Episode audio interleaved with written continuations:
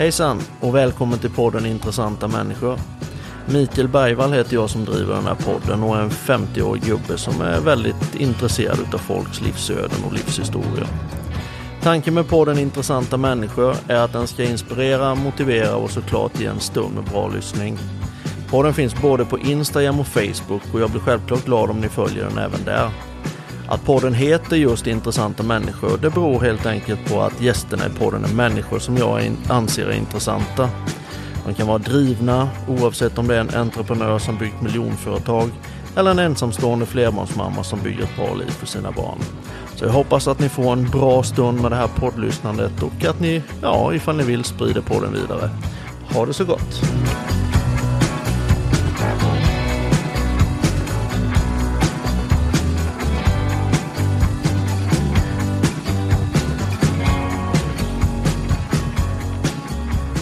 Då sitter vi i Ankas rum här utanför Västervik tillsammans med en eh, barndomsvän måste man väl säga, även om du är lite äldre än mig, men med Pontus Ranver ifrån Virserum. Ja. Välkommen till podden Intressanta människor. Tack så mycket. Jättetrevligt. Du har ju lite koppling till Ankas rum, eller hur? Jo, jag tror att jag blev tillverkad en någon gång 65, för jag föddes ju 66 i Virserum. Ja. Så min far Lars Randberg började sin bana som tandläkare här i Ankarsrum. Sen byggde de nytt i Virserum och då flyttade vi dit, hela familjen. Kedjegatan. Kedjegatan 11. Perfekt. Vi har ju faktiskt till och med bott grannar där under ett period. Jajamän. Jag vet, jag var livrädd för dig då. Alltså? Du var, ja, du var ju en rätt frän kille med häftig, en har jag för mig att du hade va? En Honda CBX, Ja, CBX var det. Ja, Jajamän. just det, så var det. Ja, men det var ju lite...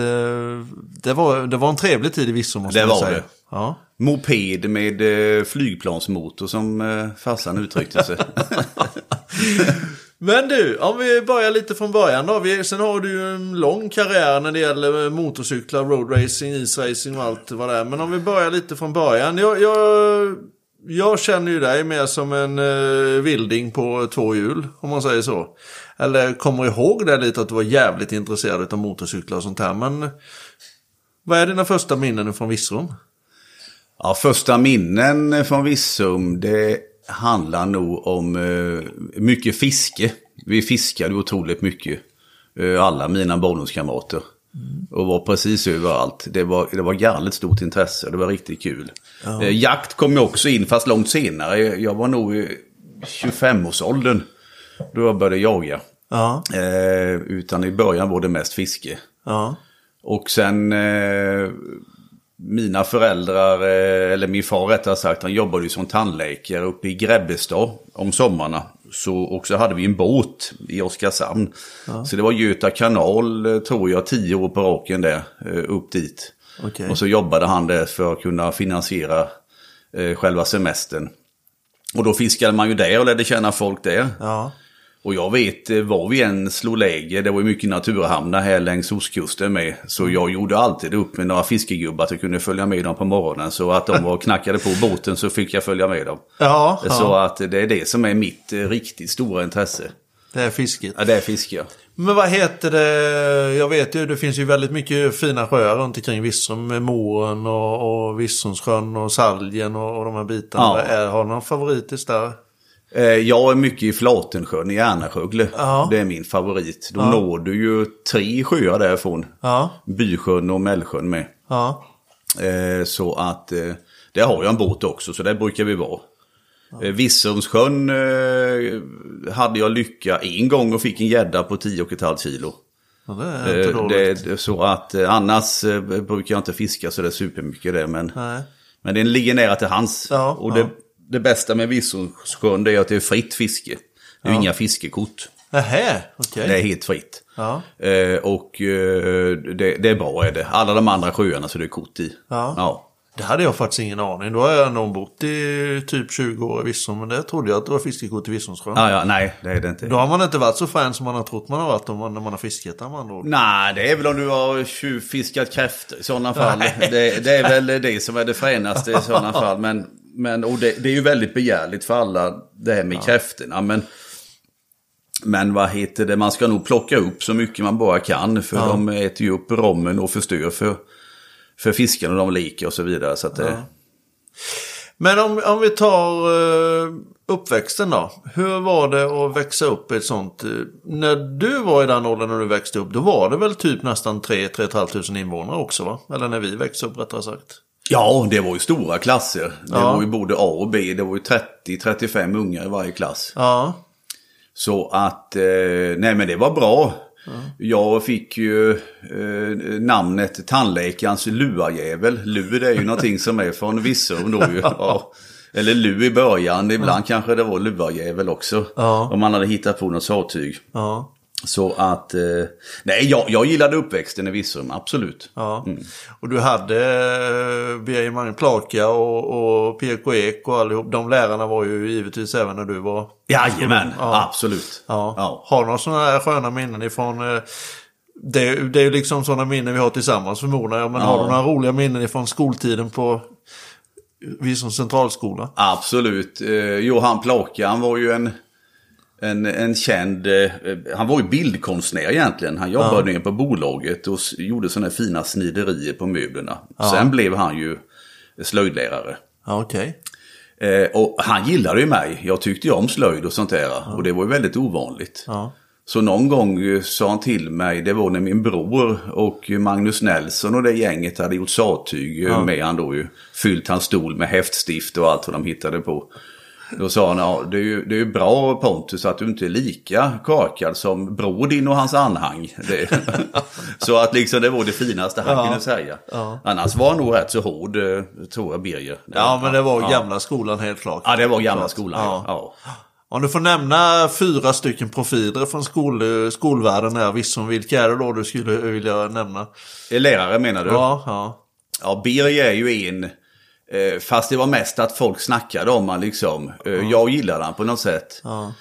Eh, och sen Karl-Axel Jönsson. Ja. Inga-Britt Andersson. Det var ju min första lärare. Hon som bodde nere vid sjön där man lägger båtarna. Ja. Ja, de skötte ju även om kommunen. Och Virserum var en egen kommun från början, hon och hennes man. När blev de Hultsfreds kommun? Det måste varit kommunsammanslagningen någon gång i slutet 50-talet. Ja, okej. så- ja. okej. Eh, och sen får man väl eh, Sven Lindmark som var rektor. Kommer du ihåg han? Nej. Vi fiskade jättemycket ihop. Lasse Hagberg hade jag. Lasse också ja. en, men då blir det nummer fem i sådana fall. Ja, ja. Jag hade nog mer connection med, med Sven. Ja, okej. Lasse kom in eh, lång, eh, senare liksom. Var inte han Anders Jansson också en sväng? Anders var också, han var ju den ständiga eh, studierektorn. Studierektorn var jag, precis. Eh, sen gjorde han ju karriär i Hultsfred istället på skolan där. Och blev skolchef tror jag det hette. Ja, okej, Anders okej. Jansson. Ja. Men han var ju lite mer tillbakadragen sådär. Man, Han gjorde inte så stort väsen av sig tycker jag. Lasse Hagberg var ju inte så jätteanonym.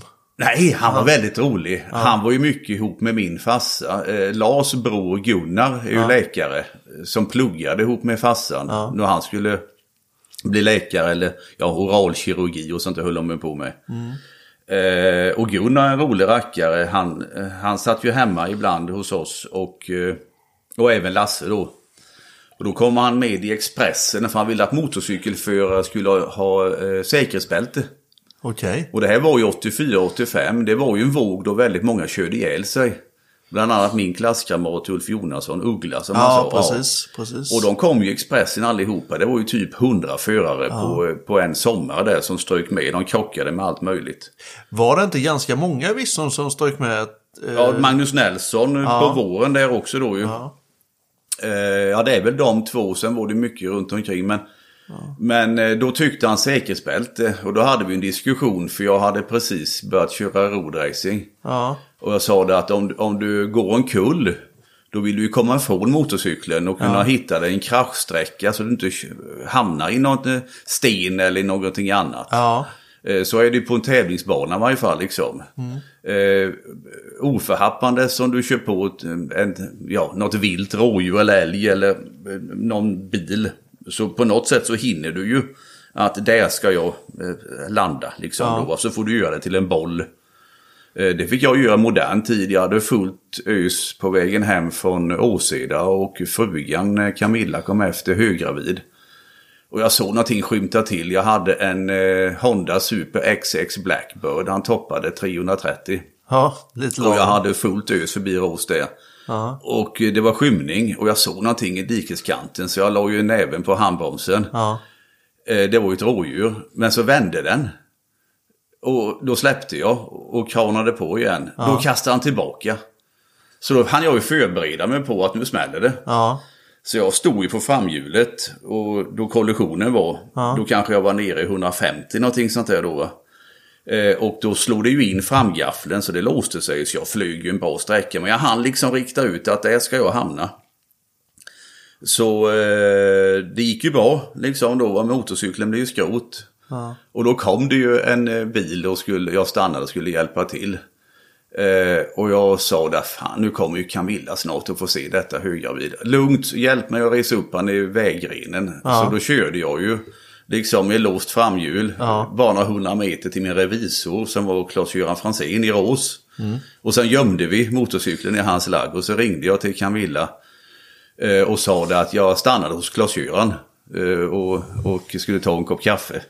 Men det gick hon ju inte på givetvis då.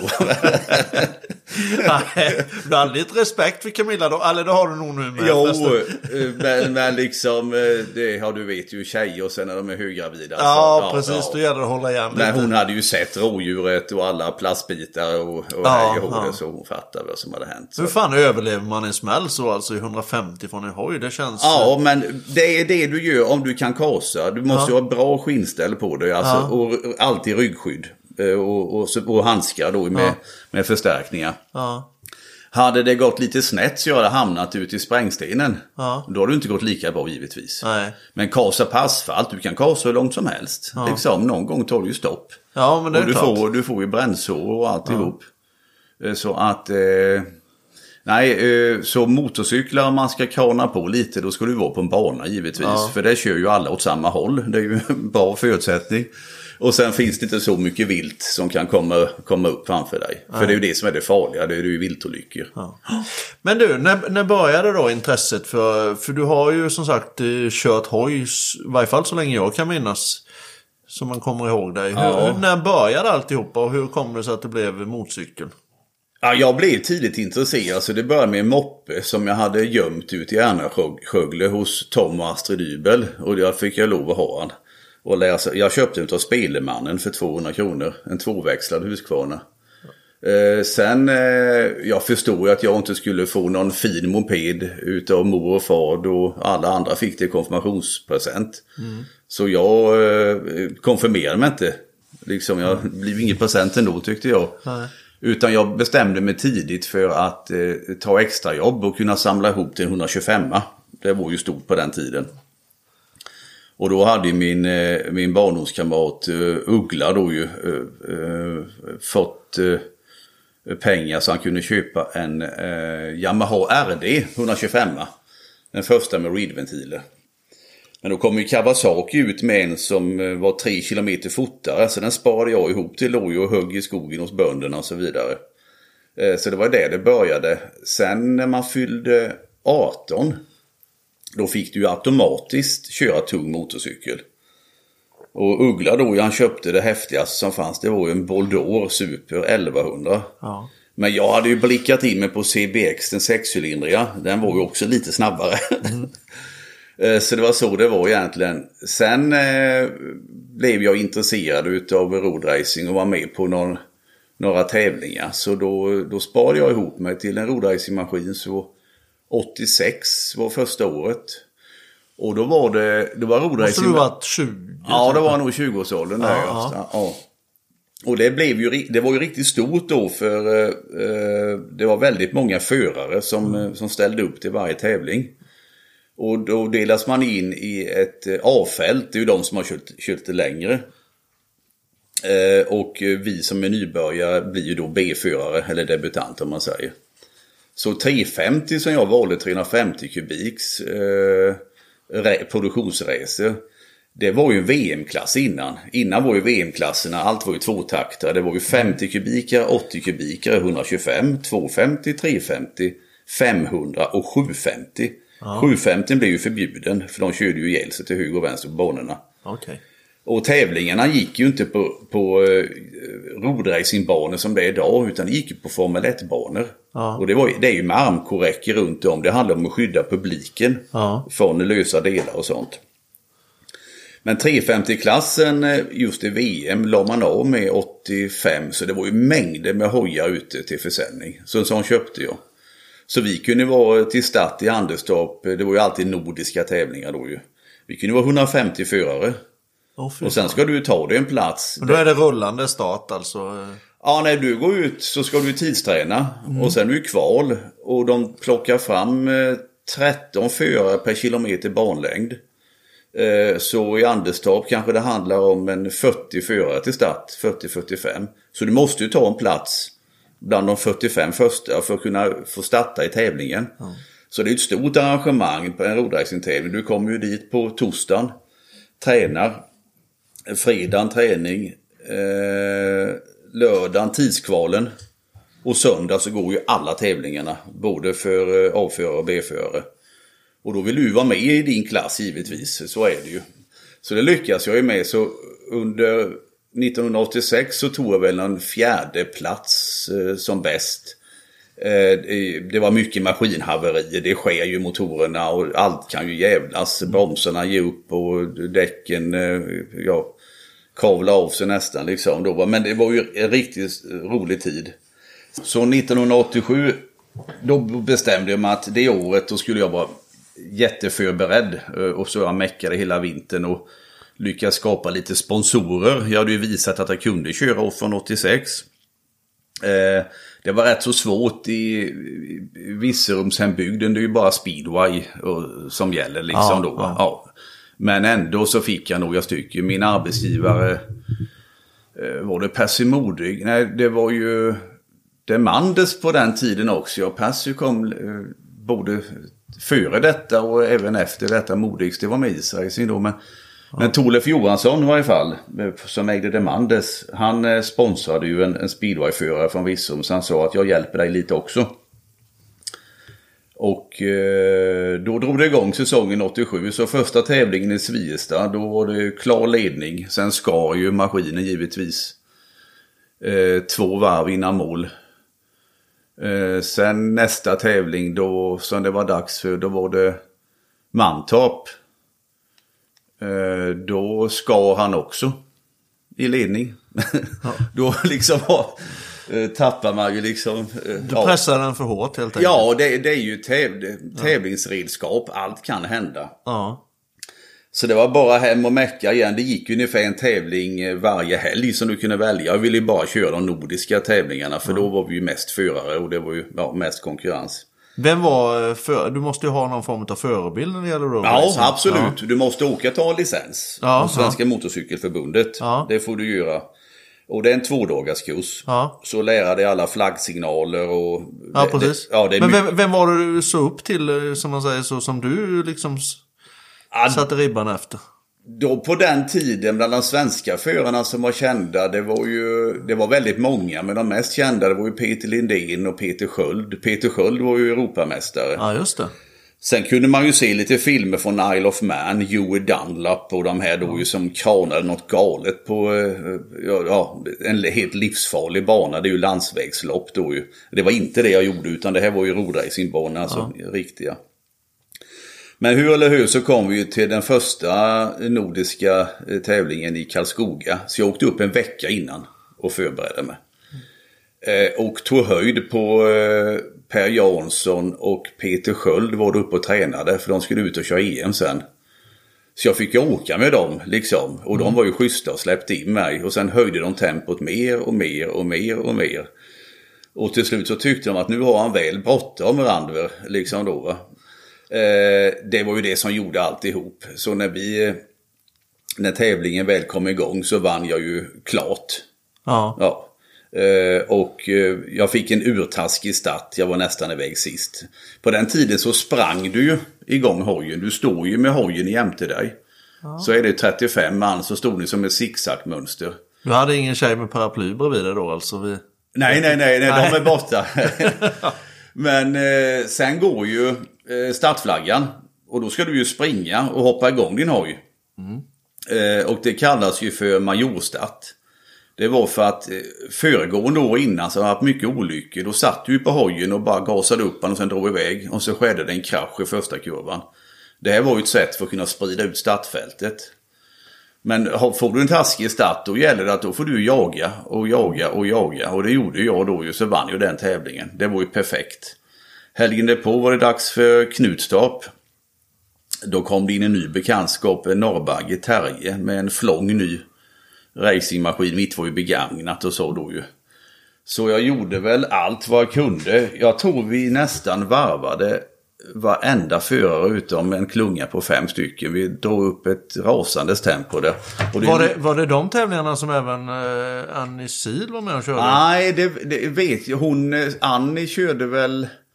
På den tiden visste jag inte vem Annie var. Nej. Jag undrar om hon körde B-förare. Hon kanske till och med hade klickat upp och var A-förare och körde 125. Ja, okay. Jag tror hon körde 125. Ja. Eh, jag träffade henne senare för hon var ihop med Håkan Olsson. Ja. En kille som varit riktigt duktig och Europamästare 125. Eh, så jag glömmer aldrig jag bara träffade dem en gång på Anderstorp. Jag skulle ha reparerat lite kolfiberdetaljer åt eh, Håkan. Han hade kraschat tank och lite allt möjligt. Och då öppnar Annie dörren och då är hon helt prickig. Jag sa det har nog hänt någonting med dig. Då har hon fått vattkoppor över natten. Jaha. det, Samtidigt som vi sitter och pratar så är Pontus med sitt urklippsalbum och det är ju riktigt imponerande alltså. Ja, det var ju, det var ju skoj. Jag tänkte bara, här var det. Ja. Eh, det var ju Knutstorp. Då fick jag ju banrekordet. Men Terje han vann ju tävlingen med en halv cykellängd liksom då va. Okej. Okay. Eh, och jag visste ju sen att jag hade inte så mycket att sätta upp mot den. För han kom ju, jag kunde bromsa i kappan och Eh, alltså att du bromsar senast. Du är ja. kamikaze. Det var ju det jag vann mycket på. Att eh, eh hade väldigt bra bromsar. Men det höll på att eh, förorsaka olyckor. För ibland så ger ju bromsoket upp. Det börjar ju koka, det blir för varmt. Så ett par gånger så liksom, eh, som tur var var det ju inte något, något av, avgörande situation. Men det är ju inte kul att ge det full fart in Eh, och sikta in det på en, eh, en sväng och sen så nyper du till. Och sen har du ingen effekt. För du har ju all effekt i handbromsen. Du har ja. ju noll på liksom bakbromsen. Du är ja, ingenting. Okay. Nej. Ja. Så att, eh, men jag jobbade på Demandes på den tiden, jag precis. Och så övertalade jag Torleif, ägaren, att, att jag kunde få med mig en fräsare. För jag ville slitsa upp spår i bromsskivan. Ja. Den expanderar av värmen. Få luftkyla den? Ja, precis. Ja, och det hade jag sett på några bilder att det börjar komma då ju, man kallar det för flytande bromsar då och så vidare. Men det är ju spår i bromsskivan. Ja. För att den ska kunna leva sitt egna liv och expandera liksom. Det blir varmt och kallt och sådär. Och då var det Sven-Olof hette en fräsa. Nej det gör jag aldrig för då kommer luren köra ihjäl sig. Sa han. Det är vansinne. Ja men du får nog göra som Pontus säger. Så vi fräste ju spår i bromsskivan. Ja. Och det blir ju 30% bättre effekt, ja absolut. Mm. Eh, så då var det dags för Karlskoga igen och Nordiska. Ja, då vann jag den tävlingen igen. De här banorna du pratar om, det är ju Gelleråsen då och Knutstorp. Körde man även Mantorp? Man körde alla ja. de här som kör STCC och motorcykel nu då alltså? Absolut, ja. allihopa det. Ja. Eh, så att, eh, och då klev jag ju upp givetvis till A4 året på. Och ville, då är det ju 250 sitter jag inne på att köra. 350 fanns ju inte där då ju. Utan nej. Det, nej. Eh, och, eh, men då var det dags för lumpen. Ja, Eh, och det hade jag skjutit upp ett år. Så sista tävlingen som var på Mantorp, det var sent på hösten. Då gjorde jag upp med en kille från Norge, det var ju Terjes kompis, att du får köpa hela mitt kit. Allt motorcyklar och alla delar alltihop. För en peng. Eh, så eh, då tänkte jag, då lägger jag mig en tvåa bakom Terje för det kommer bli en sån batalj igen givetvis. Och mycket riktigt, jag låg med tvåa bakom Terje. Och cykeln var hel, jag kunde lämna över den alltihop, varsågod. Och sen åka in och göra lumpen. Eh, och när man har muckat efter ett år i lumpen och inte får en chans att kunna jobba in sig några extra pengar, då är man ju tämligen urfattig. Så då bytte jag jobb och började jobba på, eh, på HNC i Hultsfred. Vi bearbetade gods åt pressgjuteriet. Och där var det en eh, ägare, Jan Isaksson. Och då lyckas jag få med mig han att kan inte du hjälpa mig för jag ska börja köra isracing nu en stund. Så förklarade jag vad det var för någonting. Jag hade ju träffat Con Conny Samuelsson. Ja, just det. En gammal världsmästare för rumskola. Han tyckte du kan prova på detta. Jaha du, nej det vette tjuven sa han. Det där ser farligt ut med de långa spikarna. Jo, men jag ska bara köra några år. För sen ska jag köra roadracing igen. Och då ska jag ha en sån maskin. Mm. Så jag hade klippt ut en bild på en Yamaha TZ 250 racer. Ja. Så det är bara för att hålla ångan uppe och isracing är så billigt. Och liksom ju mer du kör ju renare blir det. För det är bara vatten. Liksom. Det är ju inte som speedway, skitigt och så. Nej. Men han svalde bitet i varje fall och gick med på att stoppa in lite pengar. Ja, ja. Eh, mot att jag jobbade kvar sa han då givetvis. Ja. Så då kommer vi in i, eh, här har vi, vi är framme vid 18 eh, november 1988. Och då har vi ösregn, 7 plusgrader. Så träningskör jag och Conny Samuelsson och hans pappa Tage med då ju. Vi har 4-5 cm is någonstans i Rumskulla. Ja. Eh, och det var ju perfekt. Så drog det igång med den satsningen. Eh, och det sträckte väl sig fram till 91. Då har vi en stor krasch. Jag, hann med, jag körde bara serietävlingar. Ja. Jag körde inte SM och dem. Eh, för liksom det fanns inte ekonomi till det. Men körde du mot eh, Posa också? Jaha. Ja, ja. Det var den första jag, eh, det vi var uppe i Östersund. Och jag körde ju för Karlsborgs motorklubb. Och då var det ju Conny, jag, Peter Lindén, Peter Hult. Och så Peter Lindén körde isracing också? Jajamän. Ja, ja. ja. Och Björklund var ju vår stora förare som körde VM och höll på att bli världsmästare. Seppo Sirra var med oss också. Och Bondesson från Linköping. Så det var ju mitt första hit, det var det ju att möta, från Gävle var det ju Posa och sen var det eh, världsmästaren Erik Stenlund. Ja, just Han det. körde ju för Funbo då ju. Ja. Och att jag fick möta dem, det var ju inte för... Utan det var ju för att jag var ju det sämsta kortet i vår. Det var ju min första.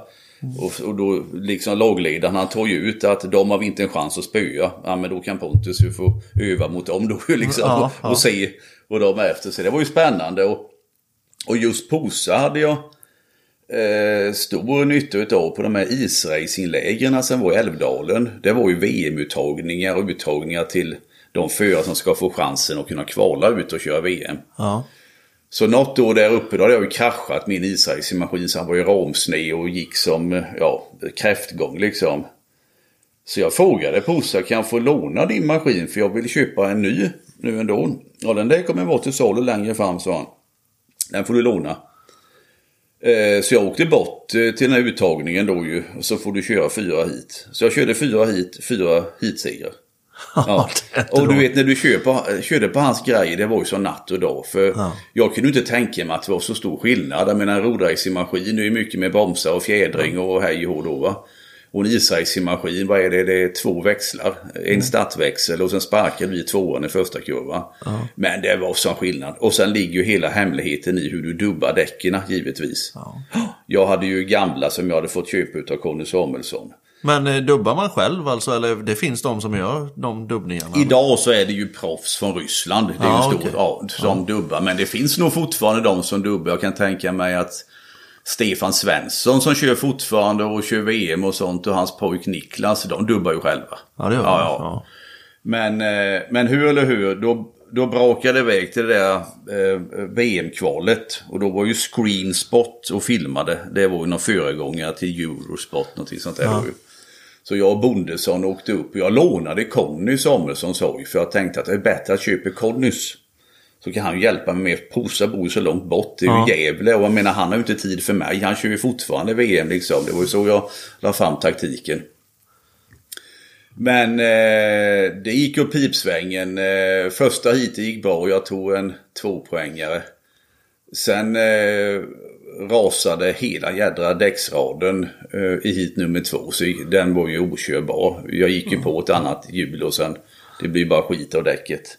Och jag hade inte med mig några reservgrejer. Så jag fick låna Bondessons maskin i något tid också. Men jag tog mig inte vidare. Men det var kul att prova på det i varje fall. Ja, det förstår jag. Ja. Men eh, sen eh, eh, tankarna var ju hela tiden den där 250 Yamaha och körrodracing. Eh, och isracingen det, det, det var ju någonting som man gjorde på sidan om för att hålla ångan uppe. Men så går inte att tänka heller riktigt utan man får ta det seriöst. Eh, sen kommer vi fram till 91 någon gång tror jag.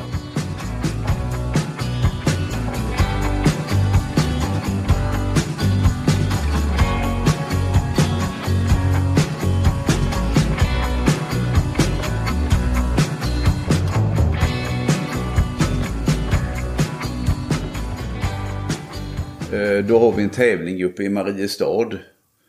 Eh, Och eh, då är, då är Peter Lindén med. Han går ut i första hitet och sätter banrekord. Raderade. Det står sig fortfarande. okej. Ja. Vad fan, jag förstår inte kopplingen mellan isracing och roadracing. Alltså är det så pass lika att köra formerna? Fast... Nej, nej, nej. Det är det inte. inte. Utan Utan, det är det- ner, att du lägger ner. Ja, precis. Ja, nej, det kan man inte påstå så ju. Men lite likheter har det väl ändå. Eh, Det har ju absolut mer likheter om du jämför med speedway. Liksom. Ja, för du ligger ju med knät i Ja, isen förmodligen. jajamän. Ja, Eh, och, eh, men där uppe i varje fall så gick jag ut som förare nummer tre. Och låg i en klar ledning. Eh, då får jag en däcksexplosion. Alltså då har ju brickan på en utav nabbarna har ju liksom gängat av sig. Så trycker det ju in spiken. ja. ja okej. Och sen blir det pang. Och det är utgången av min kurva. Så jag hamnar ju långt ute där och sen in på banan igen. Men han som ligger tvåa och han som ligger trea de drar ju rätt över mig. Fan. Så jag får ju, liksom blir ju riktigt jävla illa tilltygade. Så jag vaknar ju upp eh, på ett sjukhus, Skövde kärnsjukhus. Du fick alltså dubbarna rakt i... Jajamän, över hela mig liksom. Så, Åh, fy. Eh, Och då sa läkaren efter en stund att ja, du, hade, du hade tur för vi var precis färdiga efter en svår trafikolycka med många eh, inblandade. Så vi hade precis städat undan operationsbordet så kom du. Annars hade det inte gått så hon. Liksom, det var för svåra skador. Men det fixade till sig då ju och fram och tillbaka. Då fick man ligga där uppe i, i någon månad och eh, tänka över livet. Men var blev du skadad då? Ja, det var ju i magen, eh, alltså mycket mjukdelar. Ja. Ja, jajamän. Det var ju tur det inte blev över halsen. Ja, för det året 91, då, då senare så blev ju han Nikolaj Nichenko världsmästare, en ryss. Ja. Eh, han blev ju, fick ju en hoj rätt över halsen i eh, Eindhoven någonstans i Holland. Så de la bara en presenning över han. Åh fy Ja, fan. han dog ju där. Eh, Det var mer skador. eh, Ja, det, det händer ju ibland. Eh, Och sen är det vissa säsonger så, så är det mindre skador och sen så kommer det tillbaka igen. På vilket sätt förändrades säkerhetsaspekten i, i isracing? Eller är det likadant nu som det var när ni körde med Nej, det är stor det halsskydd och sånt där? Ja, ja, vi hade, jag hade något slags motorsågsskydd. För jag högg ju i skogen Ja. och kunde det. Det hade jag över halsen. Eh, Men, och vi hade mycket ryggskydd då på sidan. Men vi tänkte ju inte på att täcka mjukdelarna. Nej. Så efter min krasch så införde de att vi ska även täcka här framifrån. Ja, just det. Ja, jajamän. Eh, Så att det, det, var ju, det var ju nytt då. Men eh, hur eller hur, livet går ju vidare. Så att jag tänkte att då väntar jag några år och börjar köra rodracing senare. Jag släppte aldrig tanken. Nej. Eh, Och isracingmaskinen har jag ju kvar så den kan jag ju öva med ändå på vintrarna. Men inte, jag, inte åka och, och tävla med liksom då ju. Så att, eh, jag har väl bilder från kraschen förresten. Ja, just det. Där är jag. Och där är någon som precis har dragit över mig. Och jag ligger väl, Ja, just där det. är jag Ja. i en hög. ja, så att... Eh, men det är rätt fina bilder. Ja, en sån här är ju riktigt vacker. Anders Hallberg som tar mycket fotografier. Ja, Det är ju Hirvasoja. Fick jag en bild utav. väldigt snygga bilder. Ja, ja. Eh, han, eh, han vart ju världsmästare till slut. Ligger de här på din Facebook-sida eller någonting så folk kan titta? Ja, ja, några stycken ligger där faktiskt. Ja, Ja, ja. Så att... Eh, men, men då i varje fall 80 eller 91 om man säger. Då var isracing stor i Sverige. Det Ja. var ju eh, två divisioner till och med. Eh, och eh, ja, sex eller sju lag i varje division. Varför börjar man med isracing och inte med speedway egentligen då? Ja, det är en bra fråga. Det har jag, inte. jag var ute och testade speedway. Ja. Eh, 84 tidigt. Men då kom det en gubbe och sa att ni får inte träna för banan ska läggas ner. Det var ju ett tjafs med Det måste ju vara mycket längre säsong på speedway, speedway Jo, ja, ja, absolut. Men du kunde köra lite isracing på Visumsjön också? Jaha, jag körde på många sjöar, Flatensjöarna och överallt, jajamän. Så att, eh, men främst det var vi Rumskulla hos Conny Samuelsson då ju. Eh, För jag menar, du måste ju ha någon mentor som visar dig hur saker och ting fungerar, absolut. Och vara villig att mecka mycket själv med det. Men isracing, det, det är inte mycket saker som går sönder, såvida du inte kraschar och du får en sned om eller någonting sånt där. Så att eh, det är, det är en hyfsat billig sport. Men om vi går fram till i dagsläget då ju, för på den tiden var det ju många förare eh, som körde. Idag är det inte många kvar. Jag tror du kanske har fyra lag kvar i Sverige. Eh, det är fortfarande stort i Ryssland. Men det är SM-serier och sånt där? Ja, knappt. Ja, det är, det är väl det fortfarande. Ja. Men det, och nu har vi ju klimatförändringar liksom. Det är svårt att hitta is. Och även ryssarna har svårt att hitta is ibland på, på vanliga ställen. Så att på så sätt så, eh, så har det gått ut för. Men vi får hoppas det blir bättre vintrar framöver. Men då tänkte jag att då kör jag eh, för fullt ös med, eh, med eh, att vara entreprenör, starta företag. Så då kom vi till innebandy, det gillar jag ju skarpt. Ja, just det. Så jag drog över till Litauen. Jag hade träffat lite folk där precis efter Sovjet hade kollapsat. Eh, och eh, startade en kolfiberfabrik. Så vi gjorde ju fiskespön först. Det var det kunde man ju sälja. Eh, jag och min kompanjon där. Sen kom det här med innebandyn och ville ha dem i kolfiber. Och vi köp, köpte ju från ryska militärlegioner billig kolfiber som var avsedda för militärt bruk.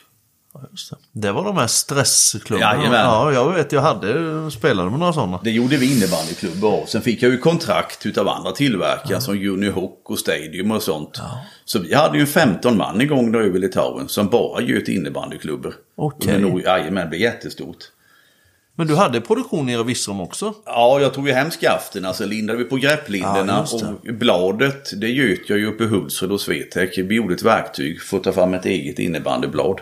Ja, okej. Och sen fick jag åka till Statens provningsanstalt och böjprova dem så de eh, höll sig innanför. Det fanns ett reglemente för att du skulle tillverka. Du var tvungen att ha en kvalitetsmanual motsvarande ett light ISO 9000 om man säger.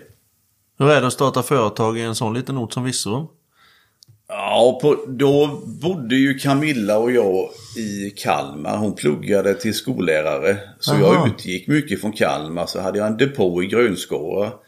Grönskåra Mekaniska Verkstad. Så där hamnade ju mina grejer från, eh, från Litauen. Ja. Eh, och jag flygfraktade ju allt med eh, ja, Air Russia och Air Litauen då ju. Så allt damp ju ner i Kristianstad. Så när jag skulle komma med mina grejer, de bara tog ju den några stolsrader. Så satt vi passagerare där jämte mina lådor. Så jag var ju deras premiumkund under många år där. Det var ju perfekt. Ja. Nej, så då var det grönskåra och eh, sen när Camilla blev färdig skollärare då tänkte eh, vi att vi får väl flytta till Virserum då. Hon blev erbjuden ett jobb där. Och eh, så skedde. Så då hon som jag hade anställd i grönskåra hon flyttade med till Virserum. Så då var jag igång produktionen. Så de här bilderna här de är just från Virserum. Eh, då hade jag, det var en eh, ASIC eh, hade jag också anställd i Virserum. Sen fryser man ju ner kolfiber. Vi är tvungna att stora frysar. För Ja. jag tillverkade även maskinaxlar till pappersbruk och sånt. Jaha. Och det gjorde jag i Virserum. Eh, ljuddämpare till motorcyklar. Ja, det var det jag tänkte. Du hade väl lite ja, koppling där. Ja, Ja. absolut. Så att det tuffade på.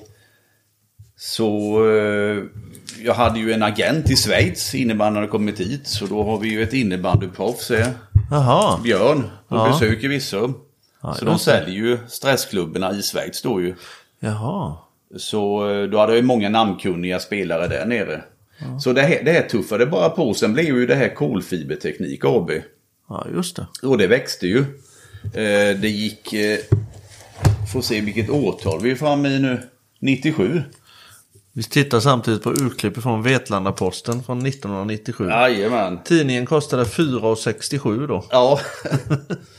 Men då blir det att nya jobb blir verklighet. Kolfiberteknik AB etablerar produktion i Virserum. Så då blir det ju ett aktiebolag utav det. Innan hade jag bara kört som enskild firma Ja, ja. Och, och eh, så vidare. Så att eh, sen går det vidare.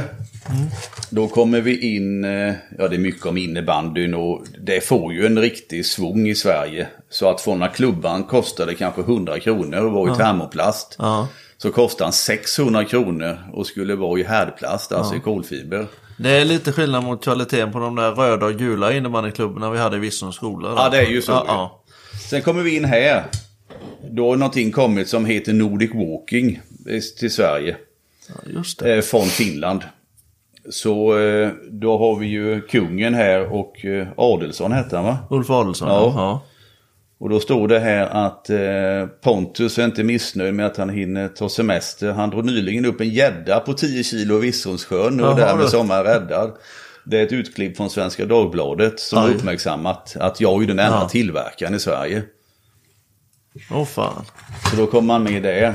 Ja. Sen kommer Dagens Industri Ja. och gör stort reportage hos mig. Stavar jättekliv för kolfiberteknik. Eh, det här är 2001 och då var omsättningen var år 2003 miljoner. Och sen så dubblar vi det året på. Eh, och här kommer bild på gäddan med. Ja, just det. Så man kan se när man följer bilderna att pannfästet, höll på säga, det kryper allt längre bakåt. Ja. Det, är liksom, det är det som Camilla brukar säga. Sen...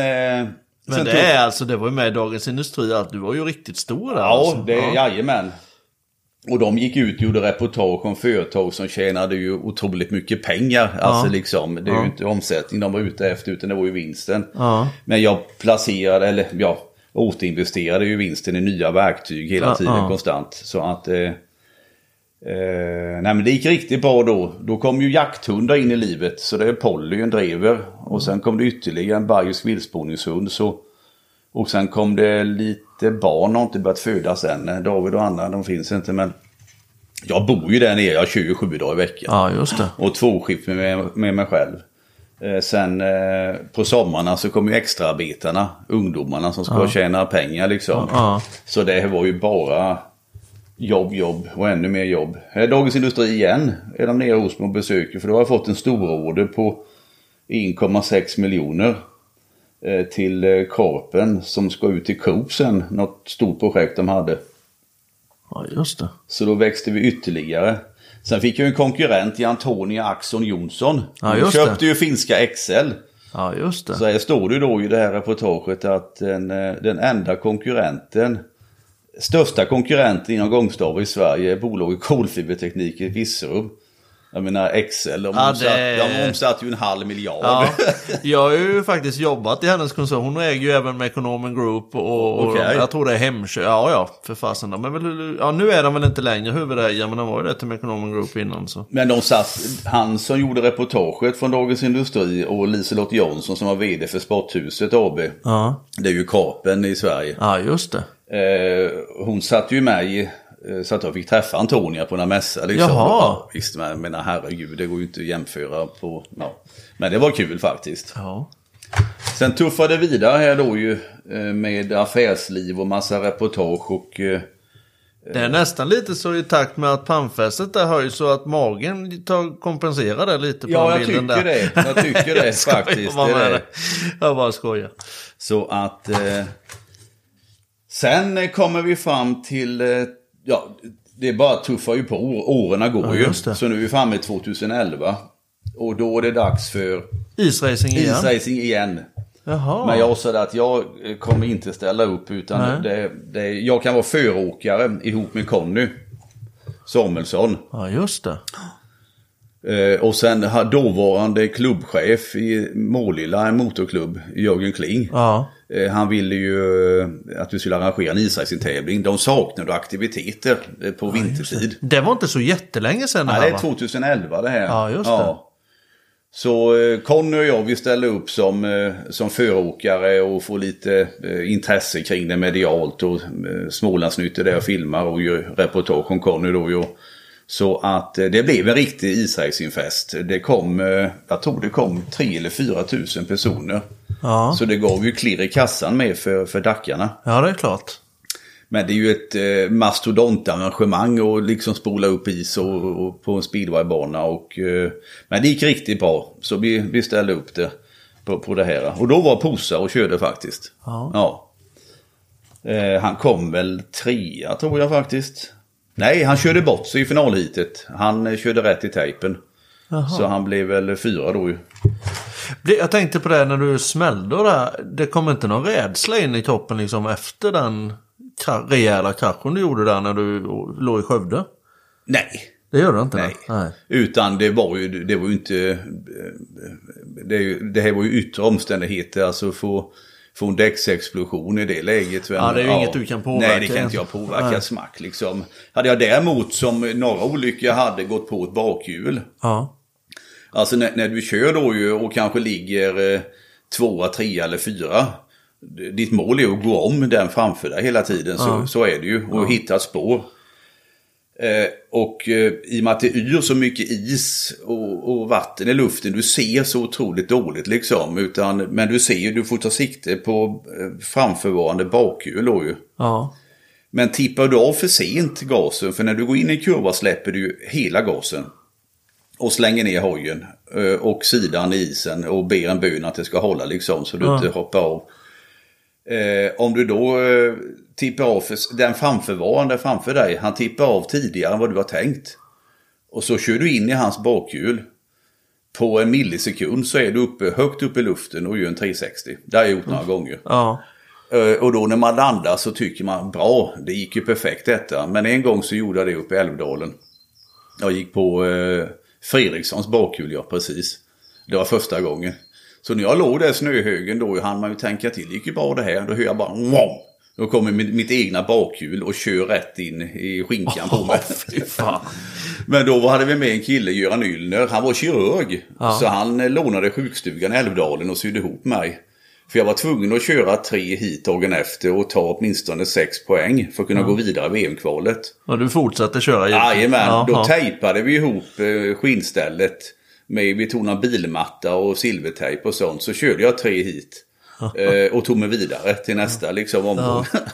Men jag fick sitta på en skinka 65 mil på vägen hem. Det var ju ingen höjdare.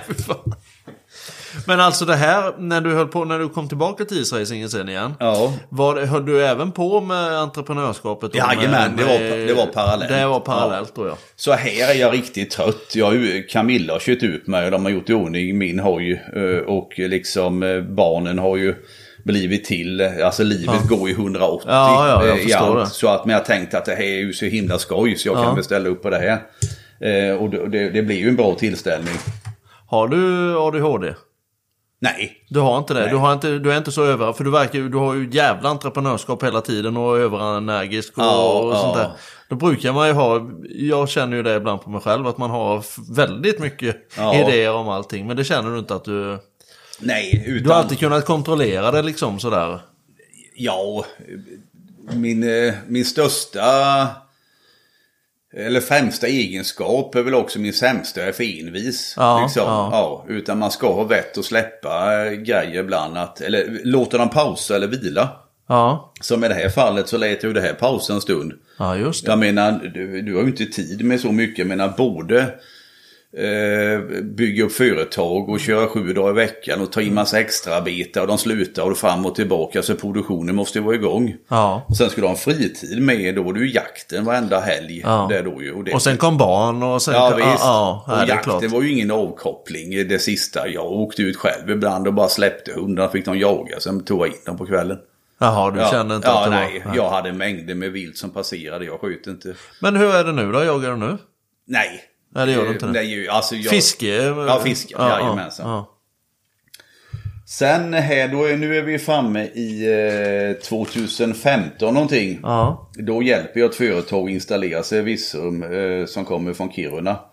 Och då eh, är vi tillbaka i Litauen igen och ska gjuta eh, kolfiberstavar till eh, skidåkare, alltså proffs, längdskidåkare. Och de ska iväg till eh, Sochi, så vi har varit över, jag och han Andreas är då ju. Och eh, gjutit fram detta enligt nya läggschema och alltihop. Och det funkade bra. Var det inte där han var involverad, han landslagsåkaren också? Nej? Jo, för tjuven. Absolut. Han var med i detta också. Eh, så det var ju en, en, en, eh, ja, under några år så fick man vara med där och, och hjälpa dem som produktionsansvarig. Ja. Och åka mängder av gånger till Kina och fixa till deras verktyg som var spridda över hela Kina och det, försöka rätta till det. Jävla erfarenhet alltså. Och det var då jag knöt massa kontakter för mitt nuvarande jobb. Då fick jag jobb på URC, United Rubber i eh, Ningbo utanför Shanghai. Så hjälper ju dem. Jaha. Så att det gäller ju liksom att ha sina tentakler Ja, ute. det förstår alltså, jag. passa på. Ja. Eh, Alltså en av mina drömmar är att åka till Kina och titta hur produktionen för Ja men det är bara importera. Folk säger ju så. Det är bara att börja importera från Kina och göra det. Och det är bara när det gäller exempelvis däck eller vad som helst. Det är bara importera. Men man måste ju liksom se produktionen. Vad de gör och, vad, och hur. ja, Det är rätt hög nivå på det. Eller jag förstår att det är väldigt stor skillnad mellan olika verk, eller industrier. Ja, jag har ju varit i allt från helt nybyggda industrier Ja. med jättefin ja. maskinpark till eh, de som står i en, eh, ett uthus med jordgolv och en excenterpress. Som två kineser får hålla i varje gång jag tar en cykel så att den ska rasa. Så jag har sett Ja. allt. Nej men det, det folk säger då att det är Kina-skit, det kan man inte, det, så är det inte. Utan det är... Nej, det går inte att säga om allt. Men ska du ha en produktion däröver, då måste du vara dig själv på plats och övervaka den. Ja. Det går inte annars. För du får inte rätt råvaror. Du, alltså du får skräpet liksom. Ja, ja. Så, så att... Eh, och just kolfiber. Jag har en god kontakt på Taiwan, Carlos. Ja. Han eh, är ju en riktig kolfiberguru och gör fina saker. Sådana dyra cyklar i kolfiber och allt möjligt. Han ville ju inte flytta sin produktion till Kina, det var dags. Utan han flyttade ut till, eh, eh, vad heter det nu, Vietnam. Satte Ja, han upp en produktion. Ja. Hur tror du om de andra länderna runt, alltså om vi tar Indien och de här, tror du att det är sånt som kommer nu stenhårt med import, import och sånt ifrån dem? Nej, det tror jag inte. tror Utan inte jag, jag tror att eh, i takt med att vi köper mer på internet och du kan köpa direkt från, eh, vad heter det nya som har kommit. eh, De har ju lager i Sverige med nu och de ju inte, följer ju inga lagar och regler överhuvudtaget. Eh, eh, den här internethandeln. Eh, Amazon heter Ja, det. precis. Ja, ja, de ju jajamän. som har byggt upp Eskilstuna. Ja, ja, ja. Eh, och eh, jag, jag tror ändå på något sätt att framtiden är att kunden blir mer medveten. Att eh, vilket miljöavtryck har den här produkten gjort Ja. innan jag fick den i handen. Det, det kommer bli, det kommer gå den vägen. Ja, faktiskt, och det är helt rätt.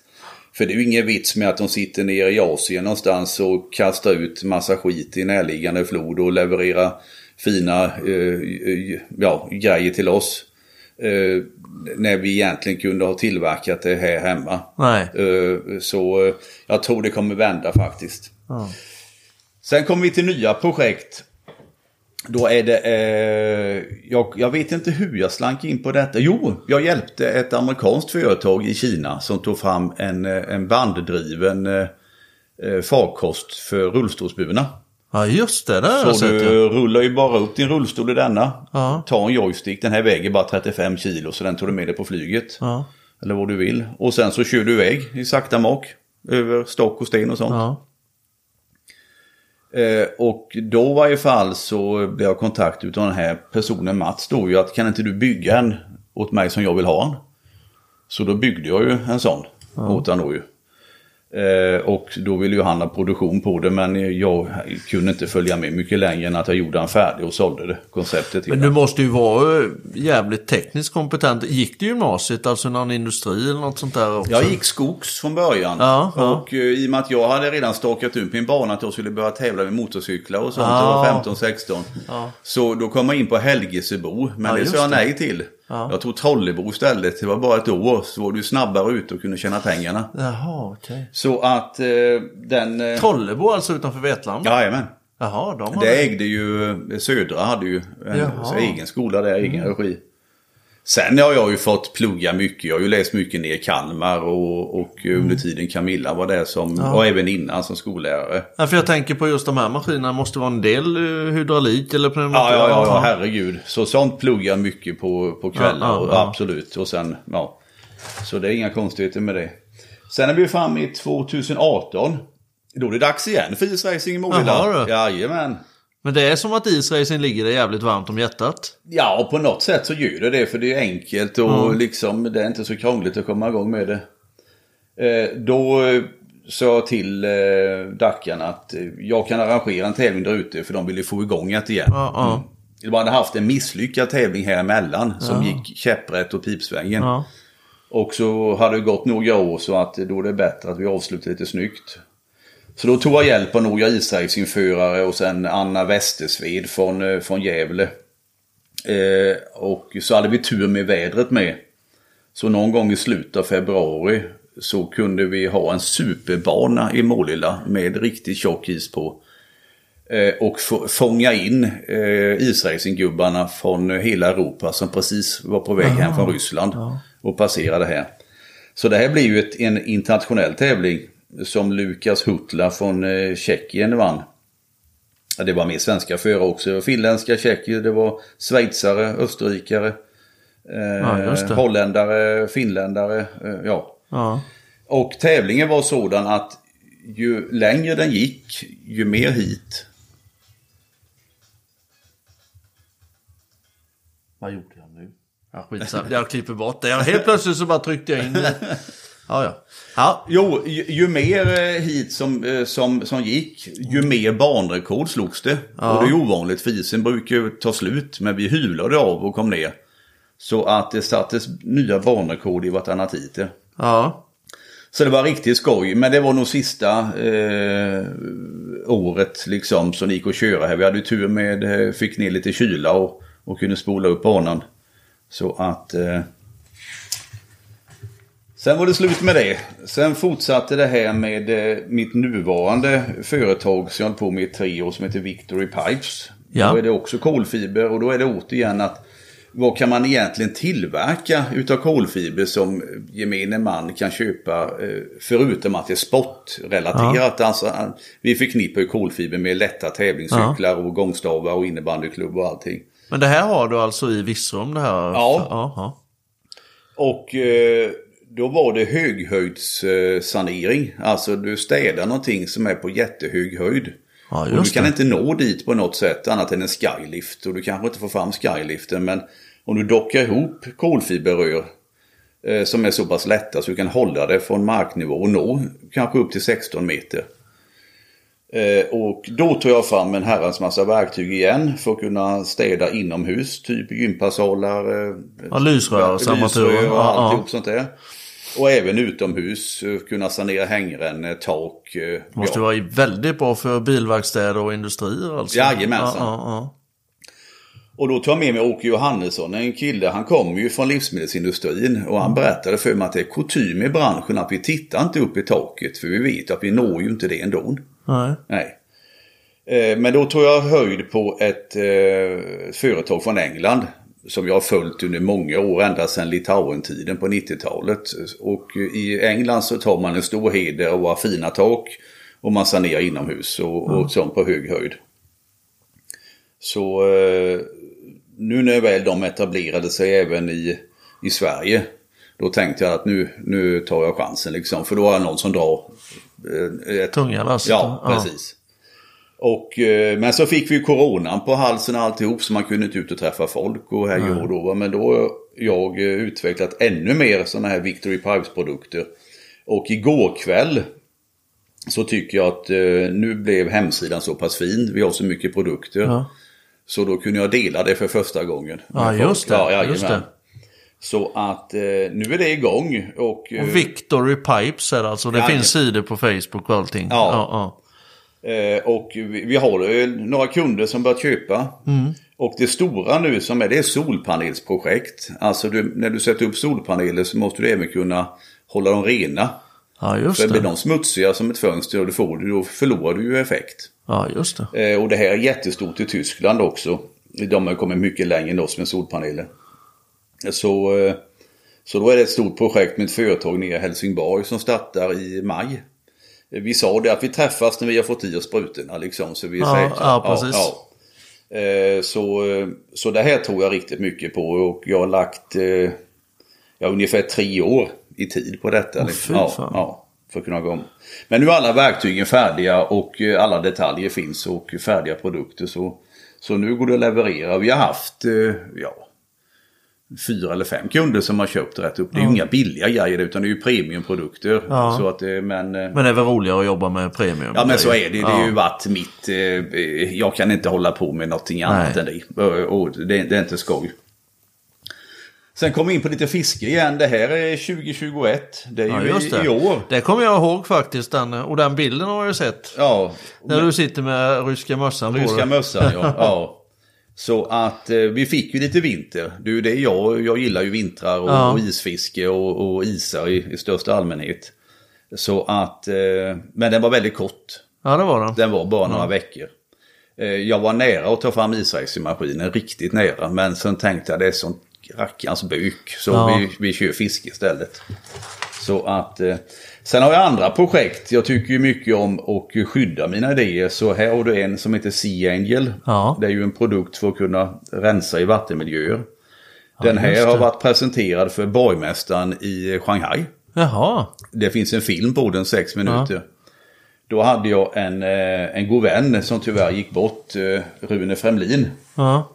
Eh, Han jobbade ju för svenska regeringen för, eh, under Tage Erlander-regeringen. Så han eh, startade ju S-Ranch i Kiruna och sånt. Och Jaha. han fick välja någon gång där på 70-talet. Vad ska vi välja? Rymden eller havet? Ja, då blev det ju rymden och sen S-Ranch. Men då jag träffade han första gången för en 10-15 år sedan. Då tyckte han att då var han en pensionär och hade tid. Ja. Nu kan jag ta revansch så då blir det ju havet nu då ju. Ja, just det. Så vi kom väldigt långt eh, och eh, hade eh, framtida planer på att dra igång en produktion i Sverige. På den första prototypen. Det ser ut som en sån gammal ångbåt nästan med Ja. sånt vattendrivhjul där, men det är det ju inte. Nej, det är ju magasin här för att Ja, kunna magasinera skräp och ta upp det. Men tyvärr så fick han, eh, alltså han gick bort hastigt i någon hjärtattack. Så då la jag det på is lite. Patentet är fortfarande i kraft så att... Eh, Men hur många patent har du totalt? Tre har jag dragit igång. Fy Sen har jag väl en kanske tio mönsterskydd och sånt där. Det sista blev färdigt igår. Vad är det för skillnad på mönsterskydd och patent?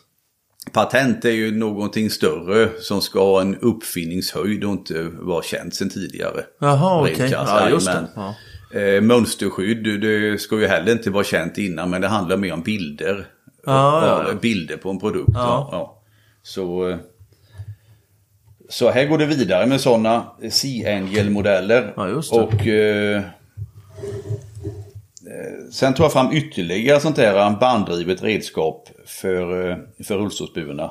Men då är han dränkbar. Du kan köra ut i vattnet med han och ha den som badplattform. Jaha. Så är min pojk David som sitter i den här då. Så den Ja, provkörde vi mycket. Och det var ett projekt som skulle köpas upp utav en tillverkare eh, ner från Schweiz. Och eh, de fick produktionsritningar och sånt och skulle dra igång. Och så, men då klippte den här coronan i precis, eh, ja, ja. Så det är on hold men men eh, de fick inte själva produkten utan vi, vi drar igång så fort det här är över. Så Ja, får de köpa det konceptet utav mig. Utan så slutar jag med det. Så var det småskaliga vindkraftverk med höll jag på med, håller på fortfarande. Och det är sådana projekt som jag, jag drog igång för en 15 år sedan Ja. som lever vidare. Men jag, jag är inte aktiv på dem, är Nej. med? utan de ligger där någonstans och lurar i vassen. Ja, just det. Utan man får ju se till att slut, slutföra det man påbörjar liksom. Ja, det är imponerande alltså. Så eh, det finns mycket, mycket skoj att göra här i världen. Ja, men ja. sen, eh, sen måste du få ut produkterna. Eh, Och det är en lång resa som kolfiberteknik. Där det var ju en resa på en 20-25 år. Ja. Och då fastnar du liksom i en, i en produktion. Ja. Eh, nu eh, i mitt nya liv så att säga då, eh, då kan jag eh, ta en annan roll istället. Jag kan ta fram produkterna och färdiga koncept. Ja.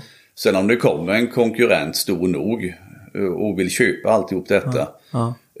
Då är jag ju inte jätteledsen om, om, om de har bättre förutsättningar för att, Nej, för att få ut det. Nej. Nej, nej. Så, eh, och för då kan jag alltid plocka fram någonting gammalt som jag har då vill köra vidare på. Ja. Det, är väl, det är väl det jag, jag har tänkt med.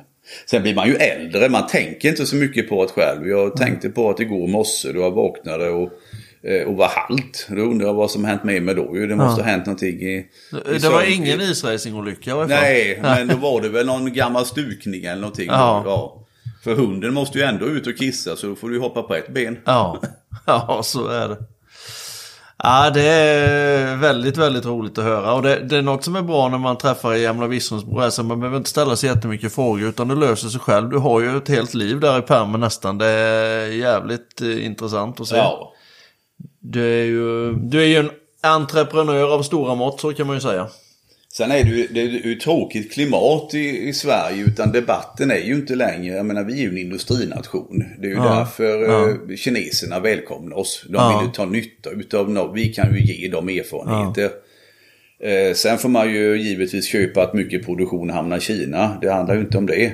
Men eh, vi kan ju inte bara ge oss platt, vi måste ju ha någonting kvar i, i landet. Ja, tävla med, ja, precis. För eh, jag, jag menar om, om vi bara har hittepåarbete liksom inom kommun och förvaltning att ni kommer eh, och b- bläddra boken eh, från vänster till höger eh, jämna veckor och tvärtom Ja. jämna veckor. För det är mycket sådana jobb som är då liksom. Utan det, det, det måste ändå vara produktion. För tappar vi det så har vi ingenting kvar. Nej. Jag menar, norrbaggarna har ju sin olja och sitt fiske. Ja. Ja, vi har ju liksom ingenting på så sätt. Vi har ingenting. Eh, Och sen har det ju varit grannländer. Finland är ju jätteduktiga. De har ju dammsugit Sverige på exempelvis all gjuterinäring. Ja. Jag jobbade ju på ett gjuteri i Alvesta som min bror var produktionschef på. Och det här var väl någon gång 90-91. Eh, 350 man anställda. Det var en stor arbetsgivare. Det har funnits i alla år det stora gjuteriet. Då eh, eh, får de ju för sig den här nya ägaren att eh, vi vill ha lite mer hjälp utav Alvesta kommun för att underlätta för oss. Eh, och det ställer vi mot Seinäjoki kommun i Finland. Och där vi får mest stöd för framtida satsningar, då väljer vi det. Ja. Alvesta kommun har svarat knappt på brevet för de visste inte vad, vad, vad är detta, ni väl vara kvar här. Ni kan ju inte flytta ett gjuteri, det, är ju ingen, det, är ju, det går ju in räls ända in i gjuteriet för att kunna bli av med allt skrot i de här smältorna och så vidare. Mycket riktigt, de flyttar hela gjuteriet till Seinäjoki. Ja. Och det har skett med mängder med gjuterier i, i Sverige och, eh, och även bearbetningsfirmor. Så att... Eh, Men det är lite så överhuvudtaget. Och det är ju inte bara städer utan det är ju småorter vad jag kan tycka. Att man, man tar alltså för givet. Men det är liksom inte...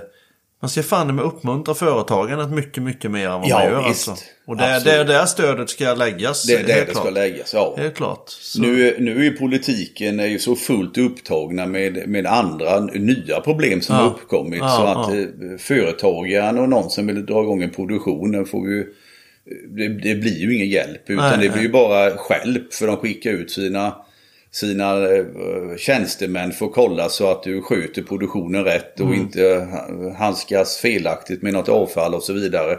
Och det blir så mycket pålagor så det, man orkar inte. Det är ingen som orkar nej, längre. Nej, nej. Jag förstår det. så att... Eh, nej, den... Eh, det, det blir en tuff nöt att, att knäcka för, eh, för framtiden liksom. För försvinner väl det här epitetet Made in Sweden som vi har levt på i alla år. Det är ju därför vi är uppmärksammade Ja. runt om i världen.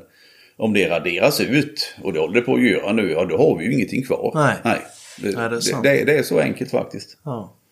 Så att... Eh, men men, man får inte ge sig utan det är bara att kämpa vidare. Så är det, så är det. Du Pontus, Ja. jag tackar dig så jättemycket. Ja, tack för att vi. Vad Och- kanontrevligt. Ja, riktigt, riktigt Ja. bra. Nu åker vi och käkar lite lunch va? Eller är det för tidigt kanske? Nej, det tror jag inte. Nej, det är inte för tidigt. Det är aldrig för tidigt. En hamburgertallrik. Nej. Du, ha det så bra. Lycka till framöver. tack, tack. Tack. Tack, hej.